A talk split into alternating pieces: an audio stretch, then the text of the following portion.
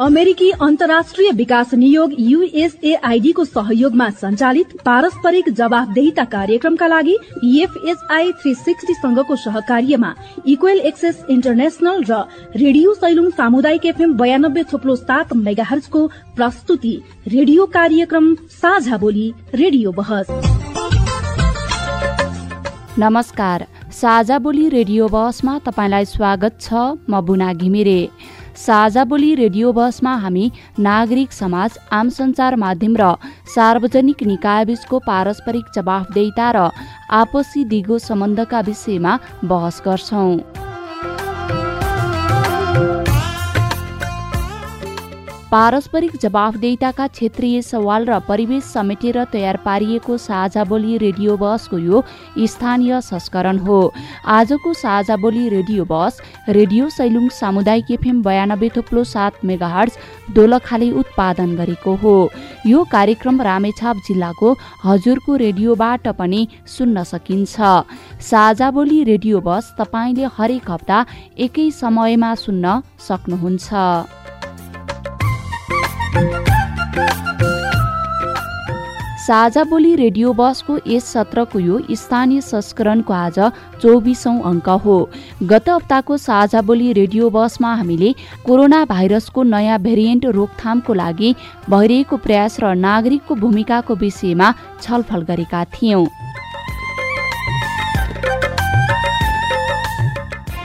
साझा बोली रेडियो बसको आजको भागमा भने हामी स्थानीय तहमा गठित न्यायिक समिति र न्याय सम्पादनको अवस्थाका विषयमा बहस गर्दैछौ।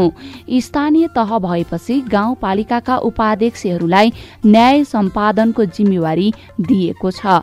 न्याय सम्पादनको जिम्मेवारी पाएका स्थानीय तहका उपप्रमुखहरूले एक हदसम्म न्यायाधीशको भूमिका खेलिरहनु भएको छ। र धेरै विवादहरूलाई न्यूनीकरण गर्नको लागि अथवा मेलमिलाप गर्न गराउनको लागि पहिला धेरै समस्या पर्दै आयो र त्यो समस्यालाई समाधान गर्दै हामीले विभिन्न तह तब्काहरूको व्यक्तित्व राखेर पनि हामीले त्यसलाई मेलमिलापको उद्देश्य राखेर मेलमिलाप गराउने कामहरू गरेका र एका दुई जुन हाम्रो क्षेत्र अधिकारभित्र पर्दैन उहाँहरूले त्यस्तो मुद्दाहरू पनि दर्ता गर्न आउनुहुन्छ। केही त्यस्तो विवादहरू चाहिँ होस् झन्झर हुँदो रहेछ भन्ने किसिमको पनि केही छ त्यस्तो।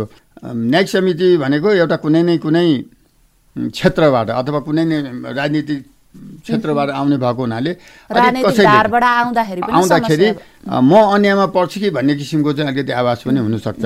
अब त्यो हुन्छ न्यायिक समितिले त्यो गर्दैन छैन मलाई विश्वास छ।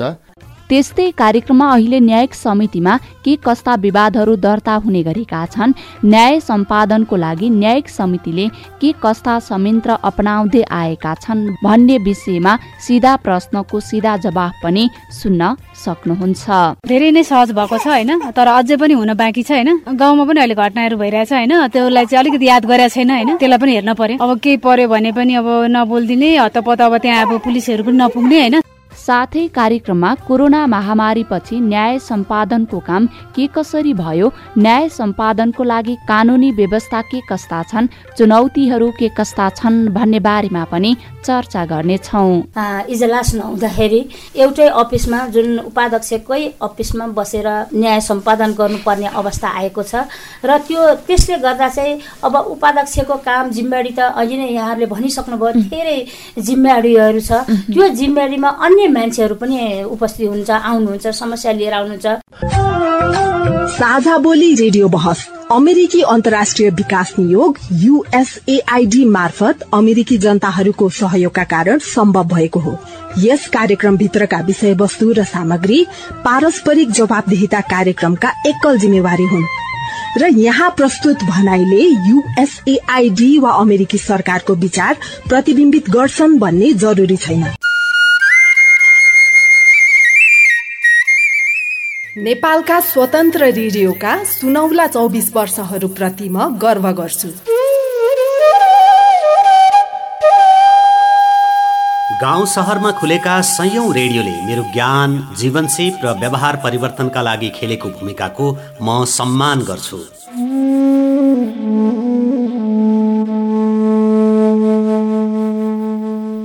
गीत सङ्गीत र मनोरञ्जनका साथ मलाई प्रसन्न राख्ने रेडियोहरूप्रति मेरो सलाम छ।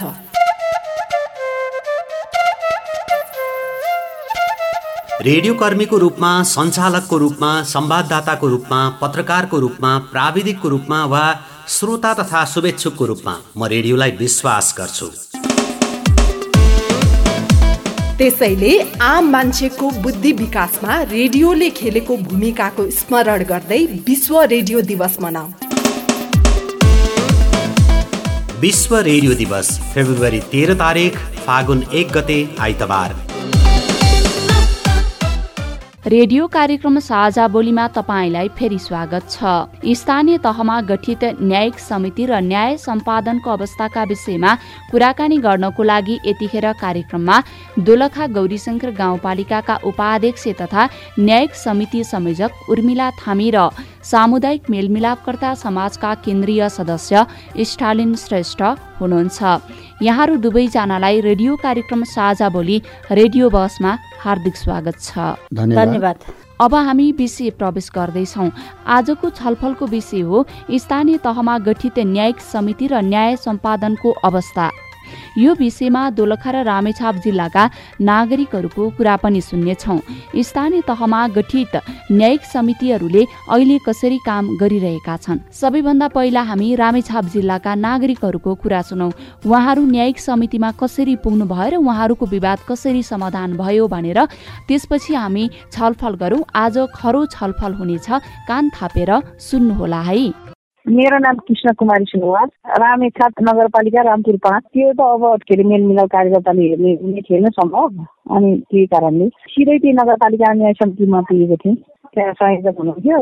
अनि उहाँलाई सोध्नु पर्यो भन्ने हिसाब थिएँ अब न्याय समितिले चाहिँ सिधै आउनु त्यस्तै ठुल्ठुलै केस जस्तो रहेछ भन्ने कुरा भयो। अनि त्यो पाइयो नै भन्नु पर्यो। मिल्नुपर्छ यताउता भन्ने भयो। अनि अनि त्यस्तै मिल्ने अब उमा गइयो चित्त बुझ्यो त के हुन्थ्यो नि? झोलमा अब सबैलाई त्यसरी चाहिँ हुन्थ्यो नि? अब चित्त बुझ्ने नबुझ्ने त अब चित्त त बुझ्छ र? अब पीडा भने पीडा हो। नमस्कार मेरो बाल श्रेष्ठ।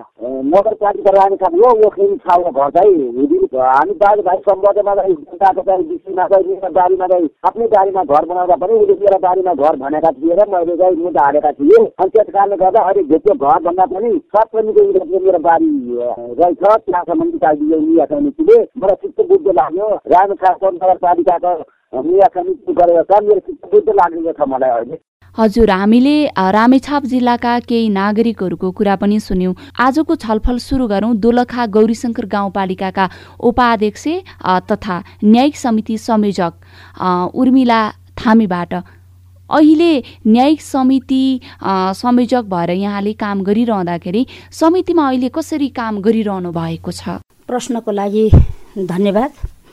गौरी शङ्कर गाउँपालिकाले न्यायिक समिति दुई हजार चौहत्तरमा जुन स्थापना भएको हामी निर्वाचित भएर आएकोदेखि यता हामीले विभिन्न क्षेत्रको विभिन्न ठाउँको र विभिन्न उद्देश्यका साथ हामीले मेलमिलापद्वारा पहिलो प्रथममा मेलमिलापद्वारा हामीले आएको समस्याहरूलाई समाधान गर्ने अथवा न्यूनीकरण गर्ने कामहरू गर्दै आयौँ। धेरै विवादका कुराहरू पनि आएका थिए र धेरै विवादहरूलाई न्यूनीकरण गर्नको लागि अथवा मेलमिलाप गर्न गराउनको लागि पहिला धेरै समस्या पर्दै आयो र त्यो समस्यालाई समाधान गर्दै हामीले विभिन्न तह तब्काहरूको व्यक्तित्व राखेर पनि हामीले त्यसलाई मेलमिलापको उद्देश्य राखेर मेलमिलाप गराउने कामहरू गरेका थियौँ। अहिले ठ्याक्कै कुराकानी गर्दाखेरि काम चाहिँ कसरी गरिरहनु भएको छ यहाँहरूले? जुन हाम्रो न्यायिक समितिमा एक किसिमको गाउँपालिकाको न्यायिक समितिमा दर्ता नगरिकन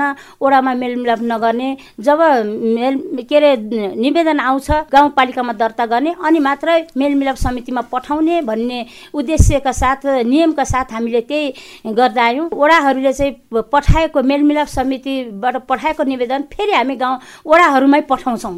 ओडाहरूमा त्यहीँको मेलमिलाप समितिलाई पठाउने गरेका छौँ। र मेलमिलाप समितिले मिलाउन नसकेको खण्डमा मात्रै हाम्रो न्यायपालिकामा आएर हामीले त्यसलाई समाधान गर्ने गरेका छौँ। हामीले पहिलो चरणमा उहाँहरूलाई तारिक दिन्छौँ र उहाँहरूको दर्ता आएको मुद्दा दर्ता भएको हुन्छ। त्यसपछि हामी उहाँलाई चाहिँ तारिक दिन्छौँ र दुवै पक्षको बिचमा चाहिँ हामीले उहाँहरूलाई उपस्थित गराउँछौँ र उपस्थित गराइसकेपछि दुवै बिचको छलफल सुन्नाइ गर्छौँ र सुन्नाइ गर्दाखेरि अनिखेर हामीले त्यसलाई अन्तिममा निष्कर्ष दिने गरी हामीले त्यसरी समाधान गर्ने गरेका छौँ। हस् म यहाँसँग एकैछिनमा आउनेछु हामीसँग छलफलकै क्रममा स्टुडियोमै हुनुहुन्छ। सामुदायिक मेलमिलापकर्ता समाजका केन्द्रीय सदस्य स्टालिन श्रेष्ठ। खास गरी अहिले न्यायिक समितिहरूले चाहिँ कसरी काम गरिरहेको चाहिँ यहाँले पाउनु भएको छ? स्थानीय निर्वाचन भइसकेपछि राज्यले स्थानीय सरकार सञ्चालन ऐन दुई सय सडचालिसमा व्यवस्था गर्दै आएको छ छयालिसको दफा छयालिसमा एउटा न्यायिक समिति गठन भएको छ।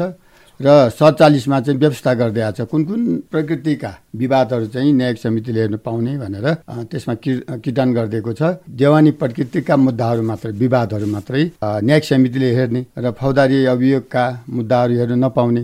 त्यो व्यवस्था त्यो ऐनमा चाहिँ प्रष्ट छ। र त्यही अनुरूप न्यायिक समितिमा विवाद दर्ता हुन आएपछि दुवै पक्षलाई मेलमिलाप हुन सक्ने अवस्थाका ती विवादहरू चाहिँ मेलमिलापकर्तालाई मेलमिलाप केन्द्रमा पठाउने गरिन्छ र दुवै पक्षलाई राखेर सकेसम्म दुवैको मन मिल्ने गरी त्यो हो हामीले रिलाइज गऱ्यौँ हामी दुवै मिल्छौँ भन्ने हिसाबले दुवैले जितेको अवस्था भएर चाहिँ मेलमिलाप गराउने हाम्रो परिपाटी रहिरहेछ। त्यही अनुरूप बेला बेलामा न्यायिक समितिबाट एक अर्काको हामी पूर्वक पनि हौँ। न्यायिक समितिले हामीलाई विवादित यो चाहिँ मिलाइदिनुहोस् भनेर। मेलमिलाप केन्द्रमा पठाउने। मेलमिलाप केन्द्रमा मिलिसकेपछि न्यायिक समिति त्यहाँ गएपछि त्यसको टुङ्ग लगाउने चाहिँ परिपाटी रहिरहेको खास गरी अड्डा अदालत प्रहरीकोमा चाहिँ अहिले जानुपर्ने अवस्था चाहिँ छ कि छैन अहिलेको अवस्था हेर्दाखेरि? केही समस्याहरू छ त्यसमा। केही अब हाम्रो उद्देश्य भनेको समाजमा झैजगा र विवाद भयो। सामान्य अब मानिस मानिस भएपछि धार्मिक हिसाब किताबले सामाजिक हिसाब किताबले राजनीतिक हिसाब किताबले हरेक क्षेत्रमा चाहिँ केही न केही विवाद हुनु स्वाभाविक हो। तर त्यही कुरालाई लिएर न्यायालयमा जानु प्रहरी कहाँ जानु र निवेदन लेख्नु अब त्यो समयको पनि एकदम उसलाई समस्या हुन्छ टाढा पुग्नु पर्ने हुन्छ निवेदन लेख्ने खर्च हुन्छ। त्यही भएको हुनाले मेलमिलाप केन्द्रमा न्यायिक समिति स्थानीय निकायमा गएर मेलमिलाप केन्द्रमा जाँदा कुनै पनि झन्झट बिना दुवैको समस्या सावधान हुने र दुवैले जे जे त्यो अवस्थामा पुर्याउने किसिमको वातावरण बन्ने भएको हुनाले। अब न्यायिक समितिमा स्थानीय सुशासन सम्बन्धी ऐनमा अब जस्तै एक पक्षले त्यहाँ निवेदन दर्ता गर्छ अनि अर्को पक्षलाई बोलाउनु पर्यो अलिकति समय लाग्छ दस पन्ध्र दिनको समय लाग्छ अनि फेरि अर्को पक्षलाई गर्दा एक डेढ महिना लाग्ने भएको हुनाले।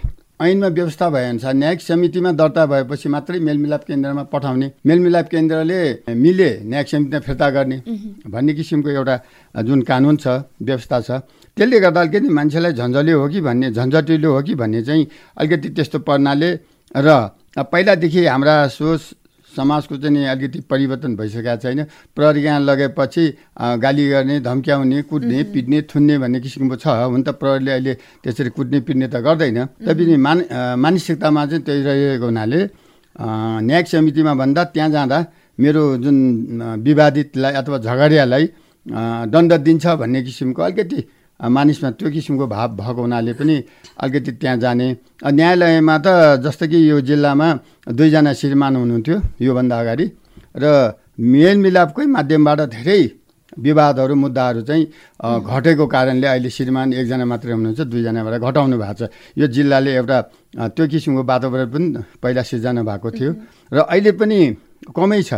बढी मात्र न्यायिक समितिबाट मेलमिलापकै क्षेत्रबाट मेलमिलापकै माध्यमबाट चाहिँ अलि विवादहरू सल्झेको चाहिँ मैले महसुस गरेको छु। म छलफलकै क्रममा केही नागरिकहरूको कुरा पनि राखिहाल्छु। मेरो नाम सुशीला केसी। अहिले सजिलै छ उहाँले राम्रोसँगै गरिरहेको भएको छ हामीलाई सजिलै भइरहेको छ। प्रतिमा श्रेष्ठ। खासै अहिले त्यति अब हाम्रो वार्डमा चाहिँ छैन भनौँ न। त्यतिमा त्यो चाहिँ राम्रो प्रचार भएको पनि छैन है अहिलेसम्म। कल्पना थापा धेरै नै सहज भएको छ होइन? तर अझै पनि हुन बाँकी छ होइन? गाउँमा पनि अहिले घटनाहरू भइरहेछ होइन? त्यसलाई चाहिँ अलिकति याद गरेको छैन होइन? त्यसलाई पनि हेर्न पर्यो। अब केही पर्यो भने पनि अब नबोलिदिने हतपत अब त्यहाँ अब पुलिसहरू पनि नपुग्ने होइन? तपाईँ अहिले पारस्परिक जवाफदेहिता प्रबन्धनका लागि साझा बोली रेडियो बस सुन्दै हुनुहुन्छ। हामी कुरा गरिरहेका छौँ स्थानीय तहमा गठित न्यायिक समिति र न्याय सम्पादनको अवस्थाका विषयमा र हामीसँग छलफलमा हुनुहुन्छ दोलखा गौरीशङ्कर गाउँपालिकाका उपाध्यक्ष तथा न्यायिक समिति संयोजक उर्मिला थामी र सामुदायिक मेलमिलापकर्ता समाजका केन्द्रीय सदस्य स्टालिन श्रेष्ठ। साझा बोली रेडियो बसमा अझै हामी न्याय सम्पादनको लागि कोरोना महामारीले के कस्ता समस्या भयो? न्याय सम्पादनको लागि स्थानीय तहसँग के कस्ता संयन्त्रहरू हुन्छन् भन्ने विषयमा घनीभूत रूपमा छलफल गर्नेछौँ। रेडियो कार्यक्रम साझा बोलीमा तपाईँ अहिले स्थानीय तहमा गठित न्यायिक समिति र न्याय सम्पादनको अवस्थाका विषयमा सवाल जवाब सुन्दै हुनुहुन्छ। बहसमा अतिथि हुनुहुन्छ दोलखा गौरीशङ्कर गाउँपालिकाका उपाध्यक्ष तथा न्यायिक समिति संयोजक उर्मिला थामी र सामुदायिक मेलमिलापकर्ता समाजका केन्द्रीय सदस्य स्टालिन श्रेष्ठ। यसअघि हामीले स्थानीय तहमा गठन भएका न्यायिक समितिले कसरी काम गरिरहेका छन् न्याय सम्पादनको काम कसरी हुन्छ भन्ने विषयमा बहस गर्यौं कार्यक्रममा न्याय सम्पादनको लागि न्यायिक समितिसँग के कस्ता संयन्त्रहरू छन् कोरोना तथा विपदको समयमा न्याय सम्पादन तथा न्यायिक समितिमा उजुरी के कति आए र आउँछन् भन्ने विषय अनुत्तरित नै छन्। म फेरि पनि छलफललाई नै निरन्तरता दिन्छु। जस्तो कोरोना महामारीको समयमा पनि हिंसाका घटनाहरू बाहिर आएका थिए। अब त्यस्तो अवस्थामा न्यायिक समितिहरूले कसरी सक्रिय भए या चाहिँ कसरी चाहिँ काम गर्नुपर्ने रहेछ यहाँको अनुभवमा? कोरोना महामारी त अहिले पनि छ होइन र? अहिले पनि कोरोना महामारी चलिरहेको छ। जुन बेला कोरोना महामारी नेपालमा भित्रियो त्यस बेलादेखि नै गाउँ गाउँमा एकदम तनावग्रस्तै भयो। धेरै प्रकृतिका घटनाहरू घटेको आयो र हामी पनि त्यो ठाउँमा गएर उहाँहरूको समस्याको बारेमा बुझ्न पनि हामीलाई गाह्रो भयो कठिन भयो। कोरोनाको टाइममा महामारीको टाइममा एकले अर्कालाई छुन नहुने भेट्न नहुने देख्न नहुने खान नहुने बस्नु हुने इत्यादि कुराहरूले गर्दामा हामीले त्योभित्र एकदम समस्याहरूलाई त्यहाँका जुन गाउँमा घटना घट्यो जुन ठाउँ ठाउँमा घटना घट्यो जुन समुदायमा घटना घट्यो जुन पारिवारिकमा घटना घट्यो उहाँहरूले आफैले हरेक कुरालाई झेल्दै झेल्दै आउनुभयो। र पछि त्यो बेलामा चाहिँ तपाईँहरूले न्याय सम्पादन चाहिँ कसरी गर्नुभयो? त्यस बेला मैले यही कुरा ल्याउँदैछु। कोरोनाको महामारीको बेलामा पनि हामीले प्रत्येक ठाउँहरूमा सूचना दिएका थियौँ। यसरी कुनै पनि अन्याय परेको छ भने तपाईँहरू अन्यायमा पर्नु छ हिंसा बन्नु भएको छ हिंसित बन्नुभएको छ भनेदेखि त्यस्तो हिंसा पीडितहरू तपाईँहरू हाम्रो न्यायालयमा आउनुहोस्। हाम्रो न्यायालयमा आइसकेपछि हामीलाई हामी तपाईँहरूको मुद्दालाई चाहिँ निरूपण गर्ने कामहरू चाहिँ कोसिस गर्नेछौँ र अन्यायमा नबस्नुहोस् भनेर हामीले सूचना जाहेर गऱ्यौँ धेरै ठाउँहरूबाट त्यो बेलामा त्यो अवस्थामा पीडित व्यक्तिहरू आउनुभयो र विवादका व्यक्तिहरू आउनुभयो। बढी मात्रामा चाहिँ घरभित्रका हिंसा पीडितहरू घरेलु हिंसा पीडितहरू अनि त्यसपछि ओल्लो घर समाज पीडितहरू त्यस्ता पीडितहरू धेरै मान्छेहरू आउनुभयो। र हामीले त्यस बेलामा पनि सामाजिक दूरी कायम गर्दै र उहाँहरूलाई चाहिँ छलफलको विषयमा हामीले त्यसरी निरूपण गरेका छौँ र त्यस्तो बेलामा कति घटनाहरू चाहिँ यहाँहरूले समाधान गर्नुभयो? जुन कोरोनाको टाइममा अहिलेसम्म हामीले धेरै गऱ्यौँ गर्न चाहिँ त्यतिखेर जुन पचहत्तर छयत्तरमा हामीले छत्तिसवटा त्यो बेलाको अवस्थामा चाहिँ अलिक बढी मात्रामा आएको हुनाले हामीले छत्तिसवटा मुद्दाहरूलाई चाहिँ निरूपण गरेका थियौँ। र त्यसपछि अठहत्तर उनासीमा हाम्रो छवटा मुद्दा मात्रै आइरहेको छ। र हामीले त्यो मुद्दाहरूलाई निरूपण गर्नको लागि दुवैजनाको जित जित हुने किसिमले हामीले जुन स्टालिन ज्यूले भनेको जस्तै दाइले भनेको जस्तै किनभनेदेखि एकले अर्कालाई चाहिँ जित जितकै होस् जित जित नै होस् अथवा स्वीकार भन्ने किसिमले हामीले जित जितको कुरामा छलफल गर्ने उहाँलाई कोसिस गर्यौँ। उपप्रमुखको जिम्मेवारी त धेरै हुन्छ। विशेष गरी स्थानीय तहमा रहेका न्यायिक समितिहरूमा कस्ता कस्ता खालका चाहिँ घटनाहरू चाहिँ आउने गरेका छन्? बढी मात्रामा श्रीमान श्रीमती बिचको समस्याहरू यो कुराहरू चाहिँ बढी मात्रामा आएको थियो। जुन वृद्ध अवस्थाको महिलाहरू पनि त्यस्तो कुराहरूमा चाहिँ समस्या लिएर आउनुभयो जबरजस्ती गर्ने खोजेको त्यस्तो कुराहरू पनि समस्या आइरहेको थियो र भनेको स्थानीय तह गठन भइसकेपछि उजुरीहरू पनि आउँछन्। हजुर हजुर। हाम्रो क्षेत्र अधिकारले जुन जुन कुराहरू तोकिएको थियो हामीलाई स्थानीय सरकार ऐन अनुसार तोकिएको अनुसार हामीले त्यसलाई निरूपण निरूपण गर्ने कोसिस गऱ्यौँ निरूपण गऱ्यौँ र धेरै समस्याहरू चाहिँ हामीले निरूपण गरेर छोडेका छौँ र एका दुई जुन हाम्रो क्षेत्र अधिकारभित्र पर्दैन उहाँहरूले त्यस्तो मुद्दाहरू पनि दर्ता गर्न आउनुहुन्छ।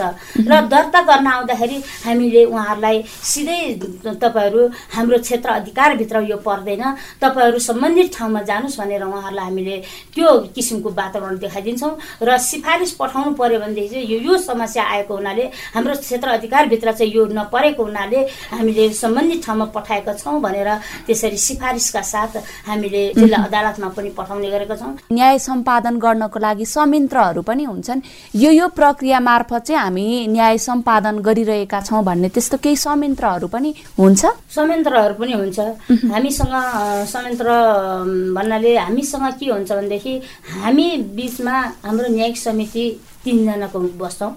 र तिनजनाको समिति रहेपछि हामी त्यही समितिहरूबाट चाहिँ छलफल गर्छौँ। उहाँहरूको कुराहरू सुनिसकेपछि अनि त्यो कुराहरूलाई चाहिँ निकाल्ने कामहरू समस्या समाधान गर्ने कुराहरूलाई चाहिँ हामी त्यहाँबाट निकाल्छौँ। र हामीले त्यो किसिमले चाहिँ त्यो किसिमको क्रिएट गरिसकेपछि मात्रै हामीले त्यो न्याय सम्पादनमा हामी सुरुवात गर्छौँ। पहिला हामी दुवै पक्षको कुरा कुराहरूलाई सुन्छौँ। र हामीमा के हुन्छ भनेदेखि हामीले त्यसलाई चाहिँ एक पक्ष बोल्दाखेरि अर्को पक्ष नबोल्ने वातावरण बनाउँछौँ। र हामीले एक पक्ष बोल्दाखेरि अर्को पक्ष नबोल्ने वातावरण बनाइसकेपछि अर्कोको एक पक्षको बोली के अरे सिद्धिसकेपछि भनाइ सिद्धिसकेपछि मात्रै अर्को पक्षको बोलीहरूलाई कुराहरूलाई हामीले सुन्ने गर्छौँ। र दुवै पक्षको कुराहरूलाई चाहिँ हामीले हामी एकजना समिति सदस्यले चाहिँ हामी लेख्ने कामहरू गर्छौँ टिप्ने कामहरू गर्छौँ। र उहाँहरूको भनाइको कुराहरू यो यो रहेछ भन्ने कुरो अनि हामी निष्कर्षमा जाने कामहरू पनि हामीले गरेका कोरोना महामारीको समयमा भनौँ अथवा चाहिँ विपत्ति विपत्ति त जुनसुकै बेला पनि आउन सक्छ। त्यो समयमा पीडित पक्षहरू चाहिँ कसरी आइपुग्न सक्छन् न्यायिक समितिसम्म चाहिँ? हामी त्यस्तो साह्रै पीडित व्यक्तिहरू जो हुनुहुन्छ अथवा त्यहाँ आइपुग्ने समय ठाउँ छैन उहाँहरूलाई आउने वातावरण भएन भनेदेखि हामी गाउँपालिकाबाट पनि उहाँहरूलाई सहयोग गर्ने कामहरू जस्तो अहिले ओडा ओडामा चाहिँ मेलमिलाप केन्द्रहरू पनि स्थापना भएको छ। प्रत्येक ओडाहरूमा मेलमिलाप केन्द्र छ। सकेसम्म मेलमिलाप केन्द्रलाई चाहिँ हामीले त्यहाँ निवेदन लिने कामहरू त्यहाँ वडामा दिएपछि हामी पहिलो दर्ता गाउँपालिकामा गराउनुहोस् भनेर हामी त्यहाँ अहिले मेल मार्फत इमेल मार्फत विभिन्न कुरा मार्फत हामी त्यसलाई चाहिँ एड्रेस गर्छौँ।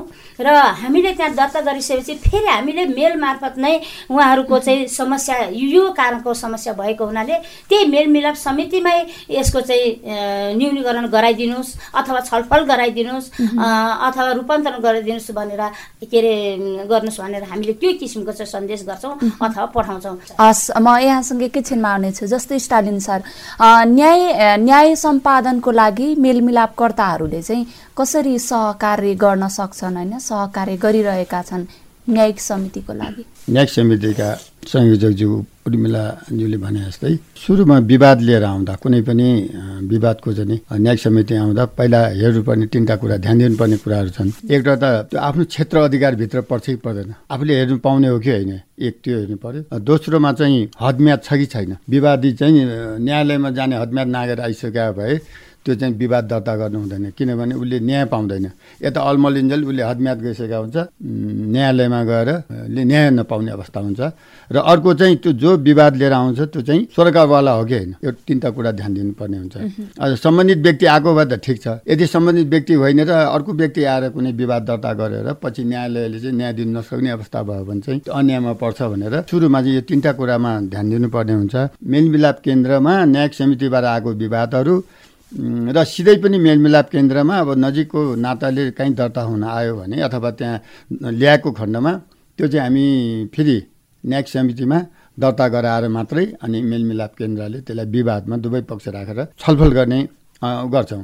र हामीलाई चाहिँ के भन्छ हामी सात चरणसम्म त्यो चरणबद्ध गरेर मेलमिलाप गराउने हाम्रो चाहिँ एउटा सिस्टम हुन्छ। न्यायिक समितिले चाहिँ प्रभावकारी ढङ्गले काम गर्न सकेन भन्ने कुराहरू पनि आउँछ। कसरी काम गर्यो भने चाहिँ प्रभावकारी हुन्छ? जसरी अब विवाद भनेको एउटा कुनै पनि राम्रो कुरा होइन। त्यो विवादलाई चाहिँ छिटोभन्दा छरितो हिसाबले न्याय त्यो तुरन्त न्याय दिन सकियो भने मिल दुवै पक्षलाई मिलाउन सकियो भने त्यो तुरुन्त समाधान हुनसक्छ।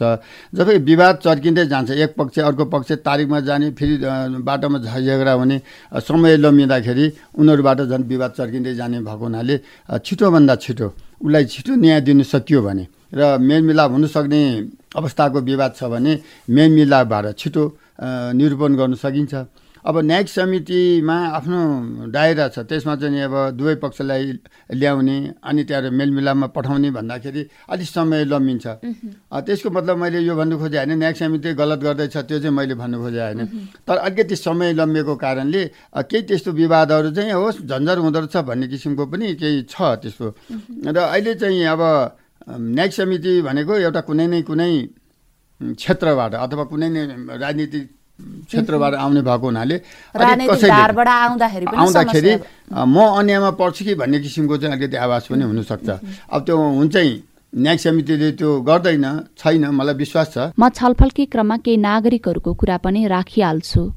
रोहित कुमार मगर रामेसाप छ गोलमाटा। पहिले त गाउँमै गाउँको अब भद्र भलात्मीहरू सबै गाउँको मान्छेहरू बसेर कुरा गर्छन् त्यसमा पनि कुरा मिलेन भने वडा अध्यक्षहरू बसेर सबै कुरा गर्छन् अनि वडामा जान्छन् वडाले पनि केही गरेन भने अनि पालिका जान्छन्। कतिपय चाहिँ पालिकामै जान्छन् एकैचोटि अलि आफूलाई धेरै ठुलो केस छ कतिपयलाई चाहिँ गाउँमा मिल्न सक्ने अवस्था छैन जस्तो लाग्नेहरू पालिकामै जान्छन्। साधारण साधारण केसहरू चाहिँ वडामा पालिकामै गाउँमै मिल्छन्। मेरो नाम शारदा कार्की।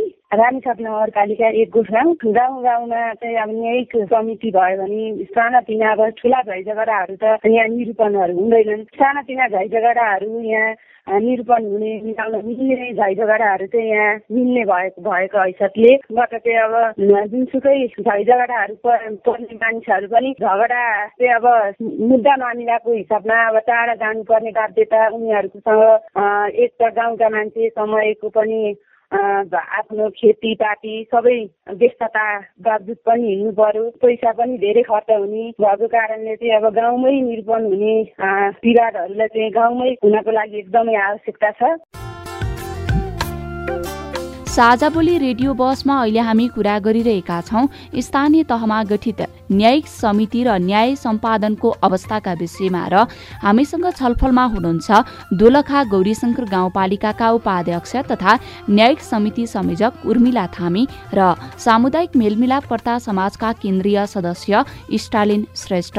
यतिन्जेल हामीले स्थानीय तहका ओडाहरूमा विपदको समयमा पनि हिंसाका घटनाहरू बढी हुने भएकाले न्यायिक समितिहरू सक्रिय भएर बस्नुपर्छ भन्ने विषयमा सहमत भएका छौँ। साझा बोली रेडियो बसमा अझै हामी न्याय सम्पादनको लागि न्यायिक समितिहरूलाई चुनौतीहरू के कस्ता छन् न्याय सम्पादन गरिरहँदा इजालस नहुँदा हुने समस्याहरू के कस्ता छन् भन्ने विषयमा घनीभूत रूपमा छलफल गर्नेछौ। साथै आज हामी न्याय सम्पादन गर्दा नीति नियमले समस्या भयो या त व्यवहारिक पक्षले भन्ने निचोडमा पुग्नेछौ। साझा बोली रेडियो बस सुन्दै गर्नुहोला। Música तपाईँ अहिले पारस्परिक जवाफदेता प्रबन्धनका लागि साझा बोली रेडियो बस सुन्दै हुनुहुन्छ। आज हामी स्थानीय तहमा गठित न्यायिक समिति र न्याय सम्पादनको अवस्थाका विषयमा सवाल जवाफ गरिरहेका छौँ। छलफलको लागि आज हामीसँग हुनुहुन्छ दोलखा गौरीशङ्कर गाउँपालिकाका उपाध्यक्ष तथा न्यायिक समिति संयोजक उर्मिला थामी र सामुदायिक मेलमिलापकर्ता समाजका केन्द्रीय सदस्य स्टालिन श्रेष्ठ। यतिन्जेल हामीले न्याय सम्पादनको काम न्यायिक समिति व्यक्तिहरूले कसरी गरे विपदको समयमा कसरी न्याय सम्पादन गर्नुपर्छ न्याय सम्पादनको लागि संयन्त्रहरू के के छन् लगायतका विषयमा छलफल गर्यौं। म फेरि पनि छलफललाई नै निरन्तरता दिन्छु। जस्तो उर्मिला म्याम अहिले स्थानीय तहबाट न्याय सम्पादन हुँदाखेरि के फाइदा हुँदो रहेछ? न्याय सम्पादन हुँदाखेरि धेरै कुरामा धेरै कुराको फाइदा छ। किनभनेदेखि जो पीडित पक्षहरू पहिला जो द्वन्द्वमा परेका व्यक्तिहरू जिल्ला सदरमुकामसम्म धाउनु पर्थ्यो। र अहिले गाउँ गाउँमै न्याय छ र न्याय पाइन्छ भन्ने उहाँहरूले पनि महसुस गरिसक्नु भएको छ। र त्यसैले पहिलो प्रथममा उहाँहरू वडा कार्यालय नै जानुहुन्छ। वडा कार्यालय मेलमिलाप समिति छ। त्यहाँ गएपछि हाम्रो समस्या समाधान हुन्छ र हामीलाई मेलमिलाप गराउनुहुन्छ। हाम्रो चाहिँ चाहिँ सुनवाई हुन्छ भन्ने किसिमले वडा कार्यालय जानुहुन्छ। र त्यहाँ जाँदाखेरि आफ्नो वडा कार्यालयमा जाँदाखेरि एकदम छिटो छरितो हुन्छ। किनभनेदेखि त्यहाँ चाहिँ स्थानीय मान्छेहरू बढी मात्र आउने जाने र समयको पनि सदुपयोग भयो र खर्चको पनि सदुपयोग भयो। यो कुराले पनि उहाँहरू एकदम खुसी हुनुहुन्छ।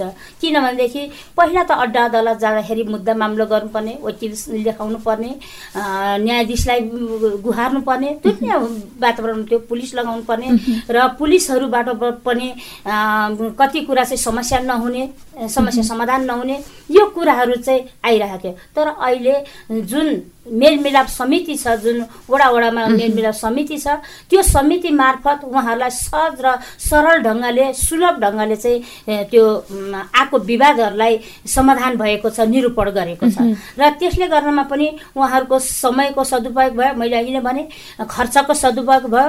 हरेक सवालले पनि उहाँहरूले चाहिँ यो कुरालाई चाहिँ बुझ्नु भएको छ। अघि हामीले छलफलकै क्रममा पनि के भन्यौँ भने स्थानीय तहमा आएका जनप्रतिनिधिहरू राजनीतिक क्षेत्रबाट राजनीतिक धारबाट आएका व्यक्तिहरू हुनुहुन्छ। त्यो बेलामा पनि न्याय सम्पादन गर्दाखेरि समस्या भयो भनेर यहाँहरूलाई न्याय सम्पादन गरिरहँदाखेरि भएका समस्याहरू चाहिँ के के हुन्? हामीलाई न्याय सम्पादन गर्दाखेरि त्यस्तो ठुलो मैले पहिला पनि यही रेडियो मार्फत बोल्ने गरेको थिएँ। त्यस्तो ठुलो समस्या त आएको छैन। आएको पनि छैन आउनु पनि नपरोस्। र हामीले केही केही समस्या समाधान गर्दाखेरि चाहिँ त्यो समस्यालाई हामीले सहज रूपमा चाहिँ वातावरण बनाएको छ। जस्तो अलिकति अनुभवको पनि कुराकानी गरौँ न जस्तो यहाँहरू राजनीतिक अथवा चाहिँ यहाँ चाहिँ अझ भनौँ शिक्षण पेसाबाट आउनुभएको व्यक्ति हुनुहुन्थ्यो। एकैचोटि न्यायाधीशको भूमिकामा पुग्दाखेरि चाहिँ यहाँलाई कस्तो अनुभव भयो? हामीलाई जुन न्यायाधीशको भूमिका अनुभव गर्दाखेरि साँच्ची नै भन्नुपर्दाखेरि हामीलाई दुई हजार चौहत्तरको एउटा विधानले चाहिँ हामीलाई चाहिँ त्यो जिम्मेवारी सुम्पिएको थियो अधिकार सुम्पिएको थियो। र पनि न्यायाधीशको भूमिका खेलिरहँदा केही केही चाहिँ अब फैसला गर्नुपर्ने पनि त्यस्ता मुद्दाहरू आएको हुन्छ। र हामी आफै न्यायाधीशको भूमिका निर्वाह गर्दाखेरि हामीलाई एक किसिमको गौरव पनि लागेको छ। त्यहाँको महिलाहरूको चाहिँ झिना मसिना कुराहरू अथवा त्यहाँको समुदायको चाहिँ झिना मसिना कुराहरूलाई पनि हामीले चाहिँ उहाँहरूलाई चाहिँ औँल्याउन पाइयो केलाउन पाइयो। यो किसिमले तपाईँहरू जानुहोस् यो किसिमले लाग्नुहोस् भनेर राम्रो सल्लाह सुझाव पनि दिन पायो। कति मान्छेहरू चाहिँ खुसी भएर पनि जान्छ यस्तो चाहिँ हाम्रो गाउँपालिकामै आएको हुनाले आज हामीले कुनै ठाउँमा गएर दुःख पाउनु परेन समस्या झेल्नु परेन। अनि त्यसपछि खर्च भएन यो कुराहरू पनि आएको छ। हामीले त्यो किसिमले चाहिँ वातावरण बनाएर लगेका हजुर हामीले छलफलमा स्थानीय तहमा कसरी काम भइरहेको छ यो न्याय सम्पादनको भनेर कुराकानी गरिरहेका छौँ। स्टालिन सर जस्तो उहाँले पनि भन्नुभयो न्यायाधीशको भूमिकामा रहेर काम गर्दाखेरि कति व्यक्तिहरू चाहिँ स्थानीय तहमा जो व्यक्तिहरू चाहिँ समस्यामा पर्नु भएको छ आफ्नो कुराहरू खुलेर पनि राख्न सक्नुहुने भयो होइन?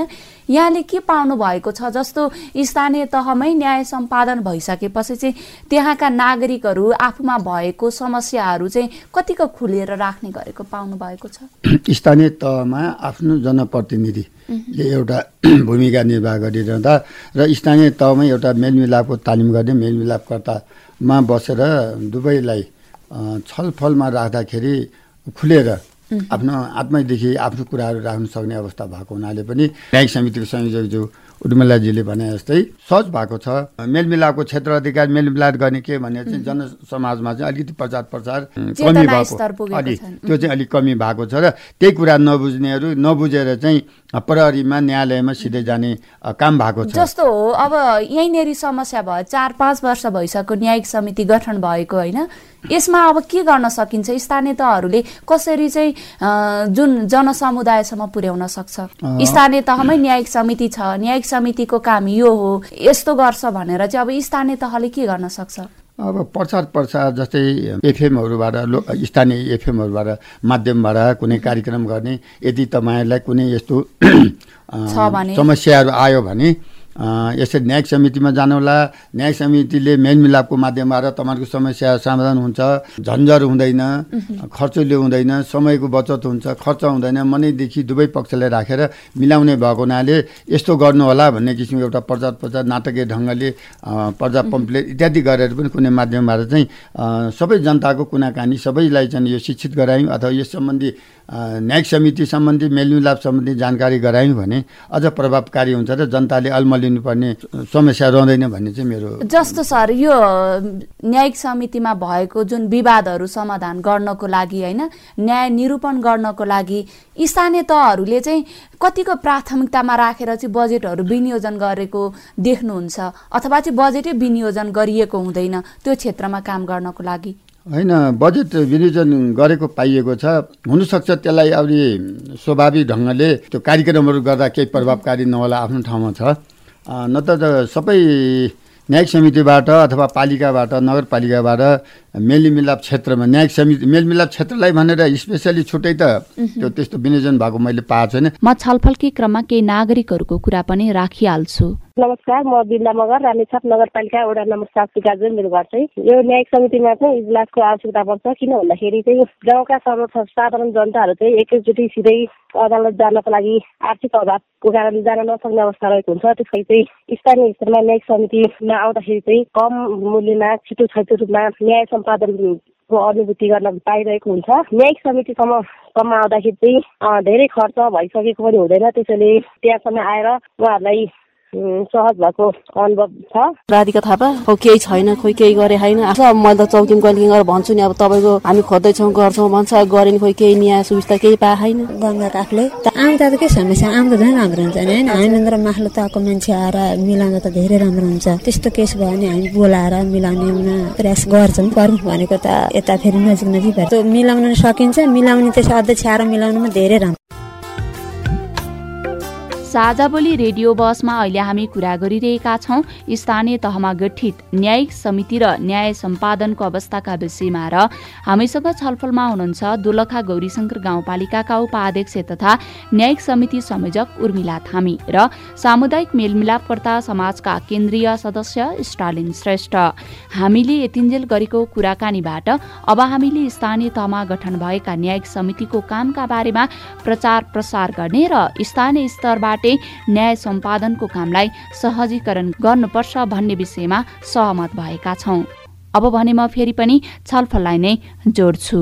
जस्तो स्थानीय तहहरूले हरेक क्षेत्रमा चाहिँ बजेटहरू चाहिँ विनियोजन गर्नुहुन्छ त्यो बजेटहरू कार्यान्वयन गर्नुहुन्छ न्याय सम्पादनकै लागि भनेर चाहिँ बजेट कसरी विनियोजन गर्नुहुन्छ? न्याय सम्पादनकै लागि भनेर अथवा मेलमिलापकै लागि भनेर हामीले बजेट छुट्याएका छैनौँ तर न्यायिक समितिको मा चाहिँ हामीले बजेट राखेका छौँ। हामीले बजेट राख्दाखेरि अब न्यायिक समितिकैबाट चाहिँ त्यो बजेटलाई हामीले विनियोजन गर्छौँ। अब जुन वडाहरूमा चाहिँ जुन पहिला द्वन्द रूपान्तरणले चाहिँ त्यहाँ मेलमिलाप गराए बापतमा के कति रकम दिने गरेको थियो एउटा चाहिँ समाधान गर्ने बित्तिकै दिने गरेको थियो। र द्वन्द रूपान्तरण हटिसकेपछि अहिले त्यो संस्था नरहेपछि चाहिँ के गरिएको छ भनेदेखि अहिले गाउँपालिकालाई जिम्मा लागेको छ। र गाउँपालिकाले नै हेर्नुपर्ने गाउँपालिकाले नै उहाँहरूलाई चाहिँ केही विनियोजन गर्नु पनि दिनुपर्ने त्यो कुराहरू छ। न्यायिक समितिमै राखिएको बजेटले उहाँहरूलाई मेलमिलाप समितिहरूलाई जुन वडा वडाको मेलमिलाप समितिहरूलाई केही बजेटहरू हालिदिनुपर्छ दिनुपर्छ भन्ने मान्यताको साथ हामीले त्यो कार्यक्रम सुरुवात गर्दैछौँ। जस्तो न्याय सम्पादनको लागि न्यायिक समितिको लागि भनेर चाहिँ बजेट आवश्यकता नदेखिएर चाहिँ विनियोजन नगरिएको हो अथवा चाहिँ अरू नै केही? होइन न्यायिक समितिको लागि भनेर त बजेट विनियोजन भएको छ। आवश्यकता पनि बढी मात्रामा त्यही नै छ। जस्तो न्याय सम्पादनको लागि स्थानीय तहले अहिले सक्रिय भूमिका त खेलेका छन् होइन? तर न्याय सम्पादन गरिरहँदाखेरि स्थानीय तहमा न्यायिक इजलास नहुँदाखेरि पनि समस्या चाहिँ भयो भन्ने कुराहरू आएको छ। अब यो विषयमा। ठाउँकोदेखि बाहेक अथवा नगरपालिकादेखि बाहेक सबै गाउँपालिकाको समस्या त उस्तै होला। इजलास नहुँदाखेरि र एउटै एउटै अफिसमा जुन उपाध्यक्षकै अफिसमा बसेर न्याय सम्पादन गर्नुपर्ने अवस्था आएको छ र त्यो त्यसले गर्दा चाहिँ अब उपाध्यक्षको काम जिम्मेवारी त अहिले नै यहाँहरूले भनिसक्नुभयो धेरै जिम्मेवारीहरू छ। त्यो जिम्मेवारीमा अन्य मान्छेहरू पनि उपस्थित हुन्छ आउनुहुन्छ समस्या लिएर आउनुहुन्छ अथवा कुनै पनि कार्यक्रमहरू लिएर आउनुहुन्छ लिएर आउनुहुन्छ। अब त्यो लिएर आउँदा आउँदै अब जुन सम्पादन गर्दा गर्दै न्याय समितिमा बसेर जुन विवादहरूलाई सम्पादन गर्दा गर्दा आउनुभयो भने त्यस बेला चाहिँ अप्ठ्यारो हुन्छ। न उहाँहरूलाई चाहिँ अहिले छुट्टै बस्नुहोस् अथवा अलग्गै बस्नुहोस् बाहिर बस्नुहोस् भन्न पनि गाह्रो।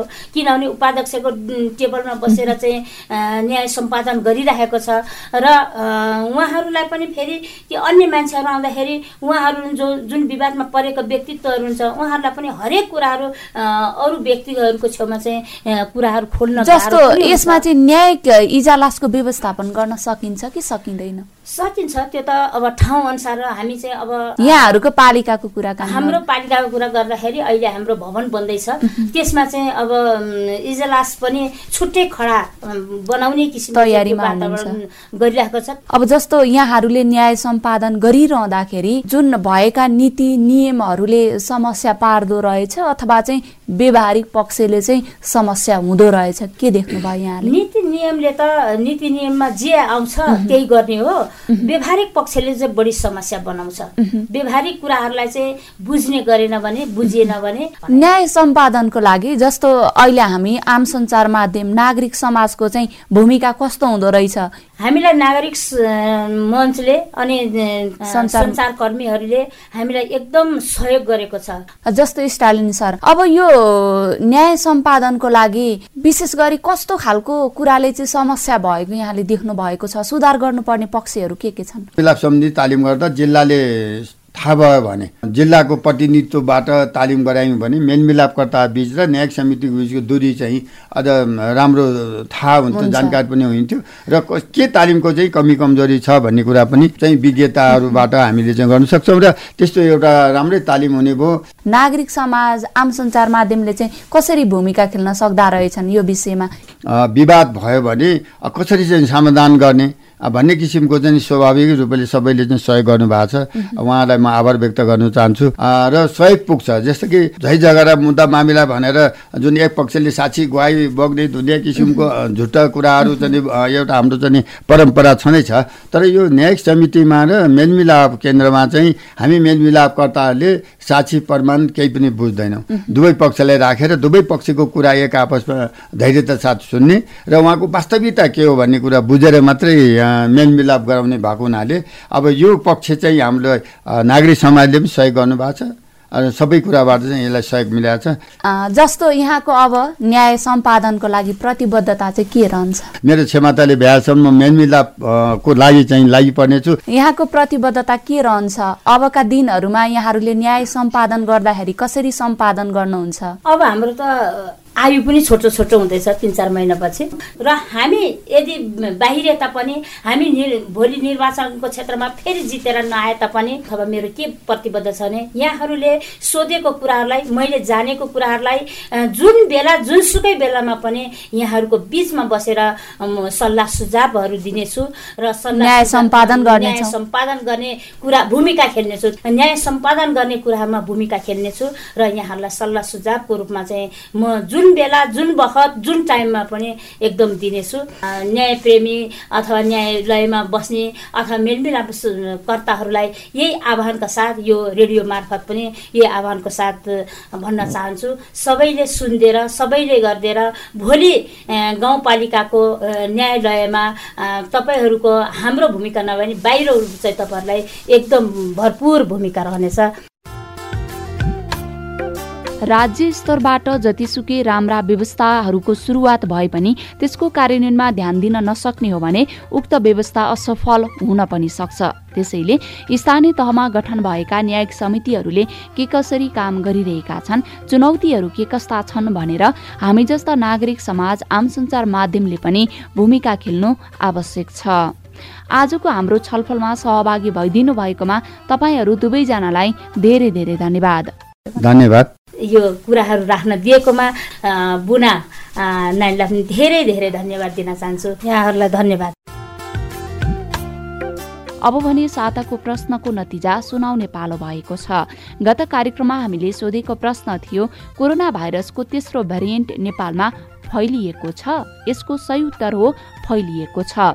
यो प्रश्नमा हामीलाई धेरै जवाफहरू प्राप्त भएका छन्। तीमध्ये दसवटा जवाफहरू सही भएका छन्। दसवटा सही जवाफहरूमध्ये गोला प्रथा गर्दा विजयी हुनुभएको छ दोलखा बैतेश्वर गाउँपालिकाका शर्मिला दाहाल। विजयी साथीलाई बधाई छ। विजेता साथीलाई हामी उपहार स्वरूप हामी तपाईँको मोबाइल नम्बरमा एक सय रुपियाँ बराबरको रिचार्ज कार्ड प्रदान गर्नेछौ। अब भने यो साताको प्रश्नको पालो। प्रश्न टिप्न तयार हुनुहोस् है त Música